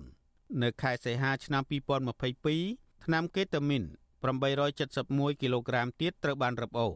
គ្រឿងញៀននិងសារធាតុផ្សំទាំងនោះសមត្ថកិច្ចរកឃើញនៅរោងម៉ាស៊ីនកិនស្រូវខេត្តស្វាយរៀងព្រៃវែងនិងនៅឃ្លាំងជួលក្នុងខេត្តព្រះសីហនុ ករណីចុងក្រោយ កាលពីចុងឆ្នាំ2022អាជ្ញាធរបានបិទឃ្លាំងផ្ទុកទំនិញក្នុងខេត្តព្រះសីហនុដែរក្រោយរកឃើញផ្ទុកគ្រឿងញៀនប្រភេទកេតាមីនជិត1តោនកាលពីឆ្នាំ2022កន្លងទៅអាជ្ញាធរជាតិប្រយុទ្ធប្រឆាំងបទល្មើសគ្រឿងញៀនរឹបអូសគ្រឿងញៀនបានប្រមាណ16តោនដែលភាគច្រើនជាប្រភេទថ្នាំកេតាមីនអ្វីត្បិតតែអាជ្ញាធរបានបង្ក្រាបនិងអះអាងថាបានបញ្ជូនជនសង្ស័យទៅកាត់ទោសនៅតុលាការក្តី ប៉ុន្តែអាជ្ញាធរជាតិនិងស្ថាប័នតុលាការពុំដាល់ចេញសេចក្តីប្រកាសព័ត៌មានឲ្យសាធារណជន បានដឹងពីកម្រិតនៃទោសដែលពួកគេបានប្រព្រឹត្តនោះទេនាយកទទួលបន្ទុកកិច្ចការទូតនៃអង្គការលីកាដូលោកអំសំអាត មានប្រសាសន៍ថាបញ្ហាគ្រឿងញៀននៅកម្ពុជាគឺជារឿងគួរឲ្យព្រួយបារម្ភសម្រាប់ប្រជាជាតិទាំងមូល ក្រៅពីនេះលោករីគុណថាការបង្ក្រាបរបស់អាជ្ញាធរកន្លងទៅនៅមានចន្លោះប្រហោងច្រើន នៅមានចន្លោះប្រហោងច្រើនដោយសារតែអក្រិតជនដែលជាមេខ្លោងធំធំ នៅតែអាចរត់គេចខ្លួនបាន ហើយការបង្ក្រាបកន្លងទៅសមត្ថកិច្ចមានការបង្ក្រាបនិងការចាប់ប៉ុន្តែមេធំធំនៃអក្រិតជនធំធំដូចជាមានបណ្ដាចាក់ស្រេះនៅក្នុងតំបន់និងក្នុងពិភពលោកដែលទាមទារឲ្យកម្ពុជាយើងមានការបដិញ្ញានិងតាំងចិត្តខ្ពស់ក្នុងកិច្ចសហប្រតិបត្តិការជាមួយនឹងអន្តរជាតិក៏ដូចជាបណ្ដាប្រទេសជិតខាងនិងក្នុងតំបន់ជាពិសេសគឺប៉ូលីសអន្តរពលដើម្បីធ្វើការចាប់នៅអក្រិតជនដែលពាក់ព័ន្ធជាមួយនឹងបញ្ហាជួញដូរគ្រឿងញៀន លោកនាយករដ្ឋមន្ត្រីហ៊ុនសែននិងរដ្ឋមន្ត្រីក្រសួងមហាផ្ទៃលោកសខេងថ្មីថ្មីនេះបានទទួលស្គាល់ថាអ ுக ្រិតកម្មគ្រឿងញៀននៅកម្ពុជានារយៈពេលប្រមាណឆ្នាំចុងក្រោយនេះគឺបានកើនឡើងនិងគួរឲ្យព្រួយបារម្ភលោកហ៊ុនសែនបញ្ជាដល់ក្រសួងស្ថាប័នពាក់ព័ន្ធឲ្យសិក្សានិងត្រួតពិនិត្យច្បាប់ឡើងវិញមុននឹងអនុញ្ញាតឲ្យក្រុមឈ្មួញនាំសារធាតុគីមីចូលស្រុកអ្នកវិភាគនយោបាយលោកកឹមសុខលើកឡើងថា បញ្ហាគ្រឿងញៀននៅកម្ពុជានៅតែបន្តកើតមានដោយសារតែក្រុមឈ្មួញមានឥទ្ធិពលនិងផ្ដល់ផលប្រយោជន៍ដល់រដ្ឋាភិបាលលោកហ៊ុនសែនកន្លងទៅកាសែតអន្តរជាតិជាច្រើនបានចុះផ្សាយប្រងព្រាតអំពីរឿងរ៉ាវអាស្រូវរបស់ក្មួយលោកហ៊ុនសែនគឺលោកហ៊ុនតូថាមានជាប់ពាក់ព័ន្ធការរត់ពន្ធថ្នាំញៀនទៅប្រទេសអូស្ត្រាលីលើពីនេះកន្លងទៅតុលាការដែលស្ថិតក្រោមអធិបុលលោកហ៊ុនសែន ថែមទាំងជួយសម្រួលដល់ក្រុមអង្គការដែលជួញដូរថ្នាំញៀនឲ្យរួចផុតពីការអនុវត្តទោសនិងសំណាញ់ច្បាប់ទៀតផងខ្ញុំបាទលេងម៉ាលីវិទ្យុអាស៊ីសេរីពីរដ្ឋធានី Washington ចាលោកនាយកទីមេត្រីអង្គការសុខភាពពិភពលោកប្រចាំនៅកម្ពុជា នៅថ្ងៃទី1ខែមីនាម្សិលមិញបានផ្ដល់វ៉ាក់សាំងប្រភេទ Tamiflu ចំនួន3000ដូសដែលជាថ្នាំសម្រាប់ព្យាបាលជំងឺផ្ដាសាយបាក់សី H5N1 ដើម្បីការពារកុំឲ្យជំងឺនេះរីករាលដាលខ្លាំងនៅក្នុងប្រទេសកម្ពុជាតើអ្វីទៅគឺជាជំងឺផ្ដាសាយបាក់សី H5N1 ហើយគឺមានវិធីណាខ្លះដើម្បីបង្ការការឆ្លងមកមនុស្សចាលោកដានៀងក៏នឹងបានស្ដាប់សេចក្តីរាយការណ៍ពិស្ដាអំពីរឿងនេះនៅក្នុងការផ្សាយរបស់យើងនាពេលបន្តិចទៀតនេះចាសូមអរគុណ thank you លោ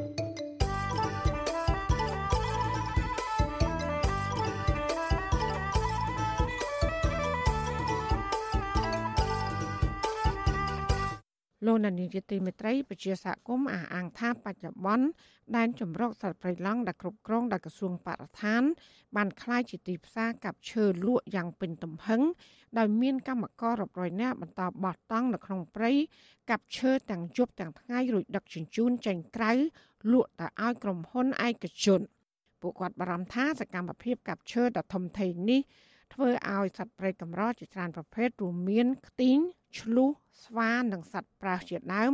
កំពុងប្រឈមបាត់បង់ទីជម្រកដោយសារតែមានសត្វខ្លះផ្អើលចេញពីព្រៃអភិរក្សហើយមករស់នៅជាមួយវងគោរបស់អ្នកស្រុកចាលោកយ៉ងច័ន្ទរាមានសេចក្តីរាយការណ៍ជំវិញសកម្មភាពកាប់ឈើទាំងនេះដូចតទៅ ក្រុមអ្នកកាប់ឈើកំពុងអាជ្រៀកឈើយ៉ាងសកម្មនៅក្នុងតំបន់ដែនជម្រកសត្វព្រៃឡង់នាខេត្តព្រះវិហារស្ថិតនៅចំណុចវាលស្រែអាចដែកកាលពីចុងខែកុម្ភៈកន្លងទៅ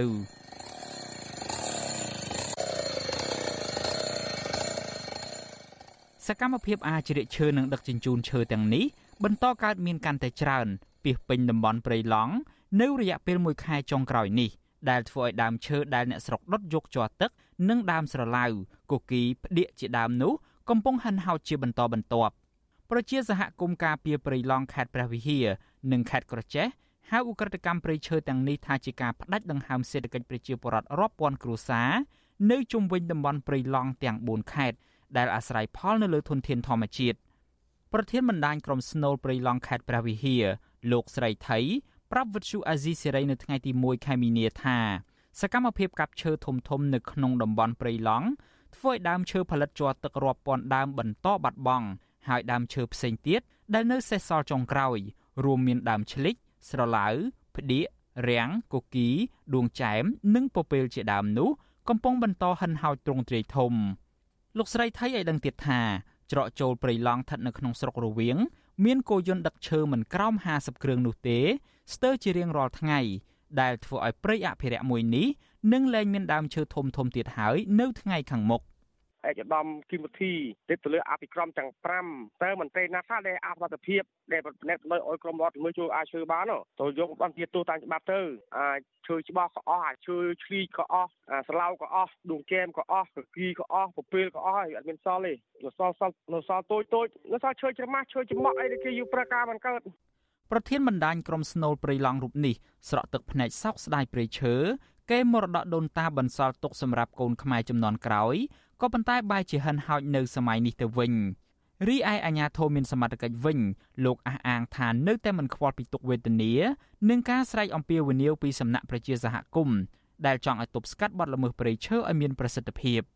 លោកស្រីថៃបន្ថែមទៀតថាបច្ចុប្បន្ននេះសូម្បីតែដើមឈើតូចតាច មិនទាន់គ្រប់អាយុអាចប្រើប្រាស់បានផងក៏ក្រុមជនល្មើសអាចជ្រៀកធ្វើជាគ្រឿងផ្ទះនិងគ្រឿងសង្ហារឹមផងដែរដែលធ្វើឲ្យព្រៃអភិរក្សមួយនេះពិបាកនឹងស្ដារឡើងវិញដោយឡែកនៅឯខេត្តក្រចេះឯណោះវិញប្រជាសហគមន៍ការពារព្រៃឡង់រកឃើញថាមានឈ្មួញម្នាក់ជាមេខ្លោងប្រមូលទិញឈើពីក្រុមកម្មករដែលលួចកាប់ឈើក្នុងព្រៃឡង់ដើម្បីលក់ឲ្យក្រុមហ៊ុន Sing Biotech ដែលមានការដ្ឋានអាឈើជាប់នៅក្នុងព្រៃឡង់ខេត្តក្រចេះ ពួកគាត់អះអាងថារថយន្តយីដុបរបស់ក្រុមហ៊ុននេះនៅពេលបើកចេញក្រៅម្ដងម្ដងតែងតែឃ្លុំតង់កៅស៊ូចិត្តចិត្តបង្កប់ឈើមានតម្លៃនៅក្នុងរថយន្តរួចដឹកចេញដោយគ្មានសមត្ថកិច្ចណាហ៊ានឆែកឆេរនោះឡើយវិទ្យុអាស៊ីសេរីមិនអាចតាក់ទងតំណាងក្រុមហ៊ុន Sing Biotech ដើម្បីសុំការបំភ្លឺរឿងនេះបានទេ នៅថ្ងៃទី1ខែមីនាក្រុមស្នូលព្រៃឡង់ខេត្តក្រចេះលោកឯកសវណ្ណឲ្យដឹងថាក្រុមឈ្មួញខ្លះបានដើរទិញដើមច្បាស់ជាប់ពីប្រជាពលរដ្ឋនៅក្នុងតំបន់ព្រៃឡង់ ហើយបច្ចុប្បន្នកម្មករជាច្រើនអ្នកកំពុងសម្រុកអាជ្រៀកឈើនៅចំណុចអូឡង់ព្រំប្រទល់ទឹកដីខេត្តស្ទឹងត្រែងខណៈដែលនៅទីនោះនៅសល់ដើមឈើធំធំច្រើនជាងគេលោកបន្ថែមទៀតថាកន្លងទៅក្រុមហ៊ុនបានផ្អាកមួយរយៈធំហើយទើបតែកម្រើកឡើងវិញដោយធ្វើសកម្មភាពប្រមូលឈើយ៉ាងប្រុងប្រយ័ត្ននៅរយៈពេល3ខែចុងក្រោយនេះក្រុមហ៊ុនកំពុងតែ ធ្វើយ៉ាងច្រើនទឹកកំធំមែនតើទឹកចេញពីតំបន់ពីឡង់នេះចូលទៅក្នុងក្រុមហ៊ុនហើយទឹកចេញទៅចូលទៅពោក្រុមហ៊ុនយ៉ាងរលូនដោយគ្មានសមាជិកណាដែលហ៊ានទេក្រុមហ៊ុនសមាជិកហ្នឹងនៅក្នុងហ្នឹងគឺបង្កប់ទាំងជាច្រើនតាក់ទងទៅនឹងអ្នករត់ស៊ីឈើនៅក្នុងហ្នឹងដោយសារអាងខ្នងហើយពេលដែលដឹកចូលទៅក្នុងនោះហើយគឺគ្មានសមាជិកណាហ៊ានតែទៅបង្កើតហ៊ានទៅមើលទេអីទេវិទ្យុអាស៊ីសេរីនៅមិនទាន់អាចតាក់ទងសុំការបំភ្លឺរឿងនេះពីអ្នកនាំពាក្យក្រសួងបរិស្ថានលោកណេតភក្ត្រានិងអ្នកនាំពាក្យក្រសួងកសិកម្ម កញ្ញាអឹមរចនាបាននៅឡើយទេ នៅថ្ងៃទី1ខែមីនា ដោយទូរស័ព្ទហៅចូលជាច្រើនដង តែពុំមានអ្នកទទួលវិទ្យុអាស៊ីសេរីក៏មិនអាចតាក់ទងแนะនាំពាក្យគណៈកម្មការជាតិទប់ស្កាត់និងបង្ក្រាបបទល្មើសធនធានធម្មជាតិគឺលោកអេងហ៊ីដើម្បីសាកសួរអំពីរឿងនេះបានដែរក៏ប៉ុន្តែលោកអេងហ៊ីធ្លាប់ប្រាប់វិទ្យុអាស៊ីសេរីកាលពីថ្ងៃទី19ខែកុម្ភៈថាប្រសិនបើរកឃើញបទល្មើសព្រៃឈើប្រជាសហគមន៍អាចរាយការណ៍ទៅអាជ្ញាធរដែនដី និងមន្ត្រីបរិស្ថានដើម្បីទប់ស្កាត់បទល្មើសជាក់ស្ដែងឲ្យទាន់ពេលវេលាសូមឲ្យខាងព្រៃឡង់ជួបជាមួយនឹងអាជ្ញាធរដែនដីជាពិសេសគឺឯកឧត្តមអាបាលខេត្តហ្មងគាត់ទទួលការងារហ្នឹងគាត់យកចិត្តទុកដាក់ណាព្រោះគាត់កិច្ចប្រជុំគឺគាត់នឹងធ្វើការងារហ្នឹងបាទព្រោះកិច្ចការងារបើសិនជាការងារធំអាហ្នឹងគឺកម្លាំងរបស់យើងនឹងចុះទៅឆ្លើយតបទៅនឹងការលើកឡើងនេះបណ្ដាញក្រុមស្នូលព្រៃឡង់អះអាងថា ពួកគាត់តែងតែរាយការណ៍អំពីបទល្មើសព្រៃឈើទៅមន្ត្រីជំនាញនិងអាជ្ញាធរខេត្តឲ្យជួយទប់ស្កាត់ក៏ប៉ុន្តែគ្មានបានផលនោះទេផ្ទុយទៅវិញសកម្មជនព្រៃឡង់ខ្លះត្រូវសមត្ថកិច្ចគំរាមនៅពេលពួកគាត់រាយការណ៍ឲ្យមន្ត្រីជំនាញចាប់គោយន្តអ្នកដឹកឈើថែមទៀតផងជុំវិញរឿងនេះមន្ត្រីសម្របសម្រួលសមាគមអាត់ហុកប្រចាំនៅខេត្តព្រះវិហារលោកឡាវច័ន្ទស្នើឲ្យរដ្ឋាភិបាលអន្តរាគមជាបន្ទាន់ដើម្បីទប់ស្កាត់បទល្មើសព្រៃឈើទាំងនេះ និងរោគមធ្យោបាយឲ្យអាជ្ញាធរអនុវត្តច្បាប់ជាប្រចាំប្រសើរជាងអនុវត្តតែបទបញ្ជាពីថ្នាក់លើម្ដងម្កាលលោកថាកន្លងទៅយុទ្ធនាការបង្ក្រាបបទល្មើសព្រៃឈើរបស់រដ្ឋាភិបាលបានតែមួយរយៈពេលខ្លីប៉ុណ្ណោះនៅពេលមានបំជាគាត់អនុវត្តមកប្រាវទៀតទៅហើយបន្តមកក៏ស្ងាត់ទៀតទៅចាបាទខ្ញុំប្រៀបធៀបទៅដូចជាភ្លើងច្បើងតែប៉ុណ្ណោះទេកាលពីឆ្នាំ2021អង្គការឃ្លាំមើលព្រៃឈើពិភពលោកបានរកឃើញថា កម្ពុជាបាត់បង់គម្របព្រៃឈើជាង50ម៉ឺនហិកតានៅក្នុងដែនជម្រកសត្វព្រៃឡង់និងដែនជម្រកសត្វព្រៃព្រះរកានៅក្នុងរយៈពេល18ឆ្នាំអង្គការមួយនេះរកឃើញទៀតថាតំបន់ការពារធម្មជាតិមួយចំនួននៅកម្ពុជាត្រូវបានគេកាប់បំផ្លាញព្រៃឈើស្ទើរគ្មានសេសសល់ដែលធ្វើឲ្យមានការបាត់បង់ជីវៈចម្រុះសេដ្ឋកិច្ចនិងសង្គមរបស់ជនជាតិដើមភាគតិចដែលពឹងអាស្រ័យទៅលើព្រៃឈើខ្ញុំយ៉ងច័ន្ទដារាវិទ្យុអាស៊ីសេរី Washington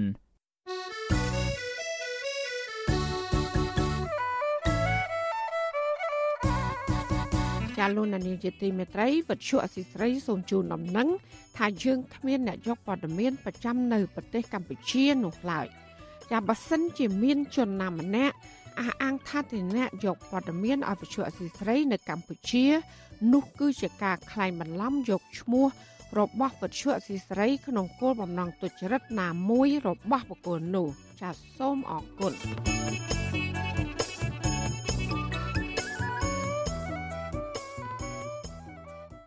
ចាលោកនាងកញ្ញាកំពុងស្ដាប់ការផ្សាយរបស់វិទ្យុអសីស្រីផ្សាយចេញពីរដ្ឋធានី Washington អ្នកវិនិយោគផ្នែកកែច្នៃក្របស្វាយចន្ទីលើកឡើង ថាការកែច្នៃដំណាំមួយនេះត្រូវប្រឈមបញ្ហាស្មុគស្មាញដោយសារតែក្រមមន្ត្រីមួយចំនួន បានប្រព្រឹត្តអំពើពុករលួយ ការរិះគន់នេះធ្វើឡើងនៅបន្ទាប់ពីលោកហ៊ុនសែនបានប្រកាសពីផែនការតាក់ទាញអ្នកវិនិយោគបរទេសលើវិស័យកែច្នៃក្របស្វាយចន្ទី ដើម្បីធ្វើឲ្យកម្ពុជាក្លាយជាប្រទេសកែច្នៃក្របស្វាយចន្ទីដ៏ធំបំផុតនៅក្នុងពិភពលោក និងដើម្បីជួយកសិករទទួលបានតម្លៃលក់ស្វាយចន្ទីកាន់តែខ្ពស់ចាលោកថាថៃមានសេចក្តីរាយការណ៍ពុស្ដាជំវិញព័ត៌មាននេះដូចតទៅក្នុងមួយឆ្នាំមួយឆ្នាំកម្ពុជាបាននាំចេញគ្រាប់ស្វាយចន្ទីស្រស់រាប់សែនតោនទៅលក់ឲ្យប្រទេសវៀតណាមដោយសារពុំមានលទ្ធភាពកែច្នៃដោយខ្លួនឯងហើយកត្តានេះ តែងធ្វើឲ្យកសិករជួបការលំបាករឿងតម្លៃជារឿយៗដោយសារពេលខ្លះប្រទេសវៀតណាមបានទទួលទិញគ្រាប់ស្វាយចន្ទីក្នុងតម្លៃថោកបំផុតក៏ប៉ុន្តែប្រសិនបើរដ្ឋាភិបាលកម្ពុជាអាចទាក់ទាញនៃវិនិយោគមកបង្កើតសិប្បកម្មឬរោងចក្រកែច្នៃខ្នាតធំឲ្យបានច្រើននៅក្នុងស្រុកដើម្បីផ្ដល់ទីផ្សារនិងធានាពីតម្លៃច្បាស់លាស់សម្រាប់ការលក់គ្រាប់ស្វាយចន្ទីនោះនឹងអាចជួយកសិករបានច្រើនជាងពេលបច្ចុប្បន្នម្ចាស់ចំការស្វាយចន្ទីនៅក្នុងខេត្តក្រចេះម្នាក់ថ្លែងក្នុងលក្ខខណ្ឌមិនបញ្ចេញឈ្មោះ ថាលោកបានឆ្លងកាត់បទពិសោធន៍ដ៏សែនវេទនាបំផុតក្នុងការបើកសិប្បកម្មកែច្នៃគ្រាប់ស្វាយចន្ទីខ្នាតតូចមួយដោយសារត្រូវស្នើសុំច្បាប់និងដាក់ឯកសារទៅមន្ទីរជាច្រើនកន្លែងហើយបើមិនបង់លុយក្រៅផ្លូវការឲ្យមន្ត្រីទាំងនោះទេការដាក់ឯកសារទាំងនោះយឺតយ៉ាវរហូតនិយាយមិនចេញនឹងធ្វើឲ្យធុញទ្រាន់បំផុតក្នុងសំណេរតាមរយៈប្រព័ន្ធ Telegram មកកាន់វិទ្យុអាស៊ីសេរីលោកបន្ថែមថាការស្នើសុំបង្កើតសិប្បកម្មកែច្នៃគ្រាប់ស្វាយចន្ទីខ្នាតតូចនៅពេលនោះ គឺត្រូវរត់ការច្បាប់ទៅកាន់មន្ទីរសិប្បកម្មនិងនិវេនវត្តបង្ហាញប្លង់អាគារនៅមន្ទីរដែនដីនគររូបនីយកម្មនិងសំណង់បញ្ជាក់ភាពស្របច្បាប់នៅមន្ទីរបរិស្ថានប្រកាសពន្ធនៅពន្ធដារខេត្តចុះបញ្ជីឈ្មោះទំនិញពីក្រសួងពាណិជ្ជកម្មនិងការស្នើសុំទៅអាជ្ញាធរដែនដីប៉ុន្តែបើមិនចំណាយលុយក្រៅផ្លូវការទេប្លង់អាគារនោះទោះចុះមកពីឋានព្រំក៏មិនត្រូវប៉ះពាល់បរិស្ថានហើយឯកសាររដ្ឋការច្បាប់ តែងខុសអក្ខរាវិរុទ្ធដែលធ្វើឲ្យលោកត្រូវវក់វីឈឺក្បាលបំផុតការលើកឡើងនេះបន្ទាប់ពីលោកនាយករដ្ឋមន្ត្រីហ៊ុនសែនបានថ្លែងនៅក្នុងពិធីប្រគល់សញ្ញាបត្រដល់និស្សិតនិងគរុនិស្សិតនៅវិទ្យាស្ថានជាតិបណ្ដុះបណ្ដាលបច្ចេកទេសនៅថ្ងៃទី27កុម្ភៈថាក្នុងមួយឆ្នាំកម្ពុជាអាចនាំចេញគ្រាប់ស្វាយចន្ទីស្រស់ប្រហែល1លានតោនទៅប្រទេសវៀតណាមនិងអាចកែច្នៃក្នុងស្រុកបានតិចតួចប៉ុណ្ណោះសម្រាប់តែដាក់តាំងពីពលលក់ លោកថាប្រសិនបើកម្ពុជាអាចកែច្នៃគ្រាប់ស្វាយចន្ទីទាំងនោះដោយខ្លួនឯងមិនចាំបាច់នាំចេញនោះនឹងបង្កើតបានការងារក្នុងស្រុកនិងផ្ដល់តម្លៃគ្រាប់ស្វាយចន្ទីបន្ថែមដល់កសិករអ្នកដាំដុះលោកហ៊ុនសែនបន្តថារដ្ឋាភិបាលរបស់លោកនឹងផ្ដោតលើឧស្សាហកម្មកែច្នៃវត្ថុធាតុដើមដែលមានស្រាប់ជាពិសេសគឺគ្រាប់ស្វាយចន្ទីតាមរយៈការត្រៀមដាក់ចេញអនុវត្តគោលនយោបាយអភិវឌ្ឍស្វាយចន្ទី លោកបន្ថែមថាសេចក្តីព្រៀងគោលនយោបាយដែលទៅប្រជុំត្រួតពិនិត្យនៅក្នុងកិច្ចប្រជុំគណៈរដ្ឋមន្ត្រីកាលពីខែមករាកន្លងទៅមានបំណងឲ្យកម្ពុជាក្លាយជាប្រទេសកែច្នៃនិងចែកចាយគ្រាប់ស្វាយចន្ទីទៅកាន់ពិភពលោកដ៏ធំបំផុតមួយដូចជាប្រទេសវៀតណាមនិងប្រទេសឥណ្ឌាគឺសម្ដៅតាក់ទាញការកែច្នៃនៅក្នុងស្រុកវៀតណាមនិងឥណ្ឌាគឺជាប្រទេសដែលនាំចែកចាយគ្រាប់ស្វាយចន្ទីទៅកាន់ច្រើនកន្លែងនៅលើពិភពលោក ប៉ុន្តែវៀតណាមក៏ទៅដឹកក្របស្វ័យចន្ទីពីប្រទេសអាហ្វ្រិកមួយចំនួនយកមកកែច្នៃហើយក៏មានមួយផ្នែកកម្ពុជាយើងក៏ត្រូវពឹងពាក់ទៅលើទីផ្សារវៀតណាមដើម្បីនាំចេញក្របស្វ័យចន្ទីទៅទីនោះឥណ្ឌាក៏ដូចគ្នាមួយផ្នែកតាមក្នុងស្រុកតែមួយផ្នែកទៀតក៏ត្រូវនាំចូលទោះជាយ៉ាងណាគោលនយោបាយដែលត្រៀមដាក់ចេញនេះហាក់ពិបាកទាក់ទាញអ្នកវិនិយោគបរទេសមកបោះទុនកែច្នៃគ្រាប់ស្វាយចន្ទីនៅកម្ពុជាខណៈគេមើលឃើញថាក្រៅពីបញ្ហាអំពើពុករលួយក្នុងការស្នើសុំច្បាប់ និងការរត់ឯកសារដើម្បីដំណើរការកែច្នៃនៅមានបញ្ហាដ៏ធំមួយទៀតគឺការកែច្នៃគ្រាប់ស្វាយចន្ទីនៅកម្ពុជាត្រូវចំណាយដើមទុនខ្ពស់ជាងការកែច្នៃគ្រាប់ស្វាយចន្ទីនៅប្រទេសវៀតណាមវៀតណាមមានកម្មករជំនាញច្រើនដែលអាចប្រើកម្មករតិចតែទទួលបានពហុប្រយោជន៍ការនាំចូលវត្ថុធាតុដើមផលិតដោយរួចពន្ធជាពិសេសសម្រាប់ឧស្សាហកម្មកសិកម្មវៀតណាមក៏បានធ្វើទំនើបកម្មគ្រឿងយន្តឧស្សាហកម្មហើយការចំណាយថ្លៃទឹកភ្លើងនិងការដឹកជញ្ជូនក៏មានតម្លៃថោកជាងកម្ពុជា អ្នកវិនិយោគបញ្ជាក់ថាមូលហេតុទាំងនេះនឹងធ្វើឲ្យគ្រាប់ស្វាយចន្ទីកែច្នៃនៅកម្ពុជាត្រូវដាក់លក់នៅលើទីផ្សារអន្តរជាតិក្នុងតម្លៃខ្ពស់មួយដែលមិនអាចប្រកួតប្រជែងយកទីផ្សារជាមួយគ្រាប់ស្វាយចន្ទីកែច្នៃនៅវៀតណាមដែលមានតម្លៃថោកជាងជុំវិញបញ្ហានេះវិទ្យុអាស៊ីសេរីមិនអាចសុំការបំភ្លឺពីប្រធានអង្គភិបអ្នកនាំពាក្យរដ្ឋាភិបាលលោកផៃស៊ីផាននិងកញ្ញាអឹមរចនាអនុរដ្ឋលេខាធិការនិងជាអ្នកនាំពាក្យក្រសួងកសិកម្មរុក្ខាប្រមាញ់និងនេសាទបានទេនៅថ្ងៃទី28កុម្ភៈ ដោយទូរស័ព្ទហៅចូលជាច្រើនលើកគ្មានអ្នកទទួលនាយកប្រតិបត្តិអង្គការដំឡាភិបកម្ពុជាលោកពេជ្រពិសីលើកឡើងថា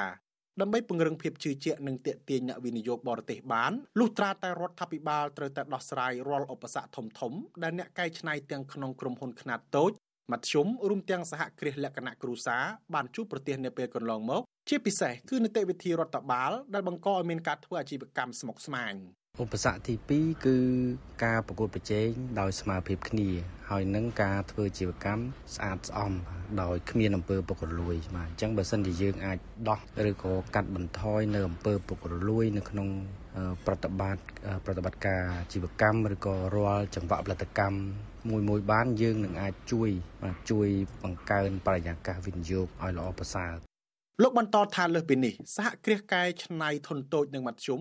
គូទទួលបានការជួយជ្រោមជ្រែងបន្ថែមក្នុងការទទួលបានហិរញ្ញប្បទានឬកម្ចីមានអត្រាការប្រាក់ទាបនិងមានលក្ខខណ្ឌមិនតឹងរឹងពេកពីវិស័យផ្ដល់កម្ចីឯកជននិងរដ្ឋដើម្បីឲ្យពួកគេអាចចាប់ផ្ដើមធ្វើអាជីវកម្មឬពង្រឹងវិសាលភាពនៃការវិនិយោគរួមទាំងការទទួលបានការបន្ធូរបន្ថយការប្រមូលពន្ធជាដើមចំណែកប្រធានសមាគមសម្ព័ន្ធកសិករកម្ពុជាលោកថេងសាវឿនយល់ឃើញដែរថា កម្ពុជាមិនគួររំពឹងសង្ឃឹមតែលើអ្នកវិនិយោគមកពីក្រៅប្រទេសនោះទេនៅក្នុងការជំរុញឲ្យមានការកែច្នៃក្របស្វាយចន្ទីដោយលោកចង់ឲ្យលោកនាយករដ្ឋមន្ត្រីហ៊ុនសែនលើកទឹកចិត្តក្រុមអង្គការធំធំឬអ្នកវិនិយោគនៅក្នុងស្រុកឲ្យងាកមកចាប់អារម្មណ៍វិនិយោគលើវិស័យកសិកម្មនេះឲ្យបានច្រើន។ លោកនាយករដ្ឋមន្ត្រីហ៊ុនសែនអាចជំរុញលើកទឹកចិត្តឲ្យអង្គការឬក៏អ្នករកស៊ីវិនិយោគក្នុងប្រទេសកម្ពុជាពិសេសអង្គការមួយចំនួនដែលកុំឲ្យទៅវិនិយោគទៅលើវិស័យដីធ្លីពេកវិស័យផ្សេងផ្សេងអចលនទ្រព្យពេកសូមឲ្យងាកមកវិនិយោគទៅលើវិស័យកសិឧស្សាហកម្មវិស័យកសិកម្មលោកថេងសវឿនបន្តថាក្របស្វាយចន្ទីកែច្នៃហើយក្រៅពីទីផ្សារនៅក្រៅស្រុកក៏អាចយកមកលក់ចែកចាយនៅក្នុងស្រុកបានដែរដោយសារកម្ពុជាសម្បូរទៅដោយទីកន្លែងផ្ដល់សេវាកម្មកំសាន្តជាច្រើន ដូចជានៅតាមរមណីយដ្ឋានទេសចរភោជនីយដ្ឋានសន្តាគារនិងនៅតាមទីផ្សារទំនើបតូចធំរដ្ឋាភិបាលចាត់ទុកស្វាយចន្ទីថាជាដំណាំឧស្សាហកម្មដែលមានសារៈសំខាន់សម្រាប់កំណើនសេដ្ឋកិច្ចជាតិនិងជាប់ចំណាត់ថ្នាក់លេខ3ជាកសិផលនាំចេញទៅក្រៅប្រទេសច្រើនជាងគេបន្ទាប់ពីដំណាំស្រូវនិងដំណាំដំឡូងមីរបាយការណ៍បូកសរុបរបស់ក្រសួងកសិកម្មរុក្ខាប្រមាញ់និងនេសាទក្នុងឆ្នាំ2021-2022បង្ហាញថា ដំណាំស្វាយចន្ទីបានដាំដុះលើផ្ទៃដីសរុបប្រមាណ400,000ហិកតានិងទទួលបានទិន្នផលសរុបជាង470,000តោនប៉ុន្តែបើតាមទិន្នន័យខ្លះថាកម្ពុជាអាចមានផ្ទៃដីដាំដុះនិងទទួលបានទិន្នផលស្វាយចន្ទីច្រើនជាងនេះនៅក្នុងចំណោមគ្រាប់ស្វាយចន្ទីស្រស់ទាំងនោះកម្ពុជានាំចេញទៅលក់នៅក្រៅប្រទេសរហូតជាង460,000តោនក្នុងនោះមានជាង90%នាំចេញទៅកាន់ប្រទេសវៀតណាមនិងសល់មួយចំនួនតូច នាំចេញទៅប្រទេសថៃឥណ្ឌានិងចិនខណៈកម្ពុជាអាចកែច្នៃដោយខ្លួនឯងបាន មានត្រឹមតែជិត600តោនប៉ុណ្ណោះកសិករដាំស្វាយចន្ទីលើផ្ទៃដី23ហិកតា នៅភូមិស្រែក្រសាំងឃុំស្រែក្រសាំងស្រុកសៀមបូកខេត្តស្ទឹងត្រែងលោកងួនគួយលើកឡើងថាលោកចាប់ផ្ដើមដាំស្វាយចន្ទីនៅឆ្នាំ2015និងចាប់ផ្ដើមប្រមូលផលគ្រាប់ស្វាយចន្ទីនៅក្នុងរយៈពេល4ឆ្នាំចុងក្រោយនេះហើយ3ឆ្នាំដំបូងលោកត្រូវខាត នឹងទើបតែចាប់ផ្ដើមចំណេញនៅឆ្នាំ2023នេះលោកបន្តថាកសិករនឹងត្រូវខាតប្រសិនបើលក់គ្រាប់ស្វាយចន្ទីស្រស់ទៅឲ្យប្រទេសវៀតណាមមិនបានតម្លៃចាប់ពី5000រៀលឡើងក្នុង1គីឡូលោកបញ្ជាក់ថាបច្ចុប្បន្នលោកអាចលក់គ្រាប់ស្វាយចន្ទីក្នុង1គីឡូតម្លៃ5500រៀលប៉ុន្តែប្រទេសវៀតណាមតែងតែទម្លាក់តម្លៃចុះថោកបំផុតក្នុងអំឡុងខែមេសា ឬខែឧសភាដោយ1គីឡូនៅសល់ត្រឹមតែជាង3000រៀល កាលណាតែចិនទីជន់ច្រើនដល់ច្រើនទីវៀតណាមគឺបថោបថោយើងអាភ្លៀងនៅស្រុកគេនោះក៏បថោយើងបានដែរមកនៅសល់ចង្ការ37 35 3បើសិនជាចិនទីតម្លៃបើប៉ុណ្ណឹងអត់ចំណេញទេកន្លងមកបណ្ដាញសារព័ត៌មានក្នុងស្រុកបានចុះផ្សាយថាក្រុមហ៊ុនមកពីប្រទេសជប៉ុនបានចុះមកសិក្សាដំណាំស្វាយចន្ទីនៅកម្ពុជាតាំងពីឆ្នាំ2019ដើម្បីឈានទៅបើករោងចក្រកែច្នៃក៏ប៉ុន្តែមកទល់ពេលនេះ នៅមិនទាន់សម្រេចថាបើកឬមិនបើករោងចក្រនៅឡើយស្របពេលកសិករដាំស្វាយចន្ទីភ ieck ច្រើនត្រូវពឹងផ្អែកលើទីផ្សារប្រទេសវៀតណាមហើយពិបាករកផលចំណេញនិងត្រូវប្រឈមការចំណាយកាន់តែខ្ពស់លើថ្លៃជីនិងថ្លៃប្រេងសាំងជាដើមក្នុងរយៈពេលប្រហែល2ឆ្នាំចុងក្រោយនេះកសិករបានកាប់បំផ្លាញដើមស្វាយចន្ទីចោលអស់រាប់ម៉ឺនហិកតាក្រៅពីស្វាយចន្ទីដំណាំស្រូវដំឡូងមីនិងកៅស៊ូក៏ប្រឈមនឹងការខ្វះខាតទីផ្សារដែរ បើតាមលោកហ៊ុនសែននៅឆ្នាំ2022កម្ពុជាផលិតបានស្រូវលើសពីតម្រូវការរហូត6លាន6សែនតោនបើគិតជាអង្ករប្រមាណ4លាន2សែនតោនខណៈផែនការនាំចេញអង្ករឲ្យបាន1លានតោនក្នុងមួយឆ្នាំនៅមិនទាន់អនុវត្តបានជោគជ័យនៅឡើយខ្ញុំថាថៃពីទីក្រុងមែលប៊ន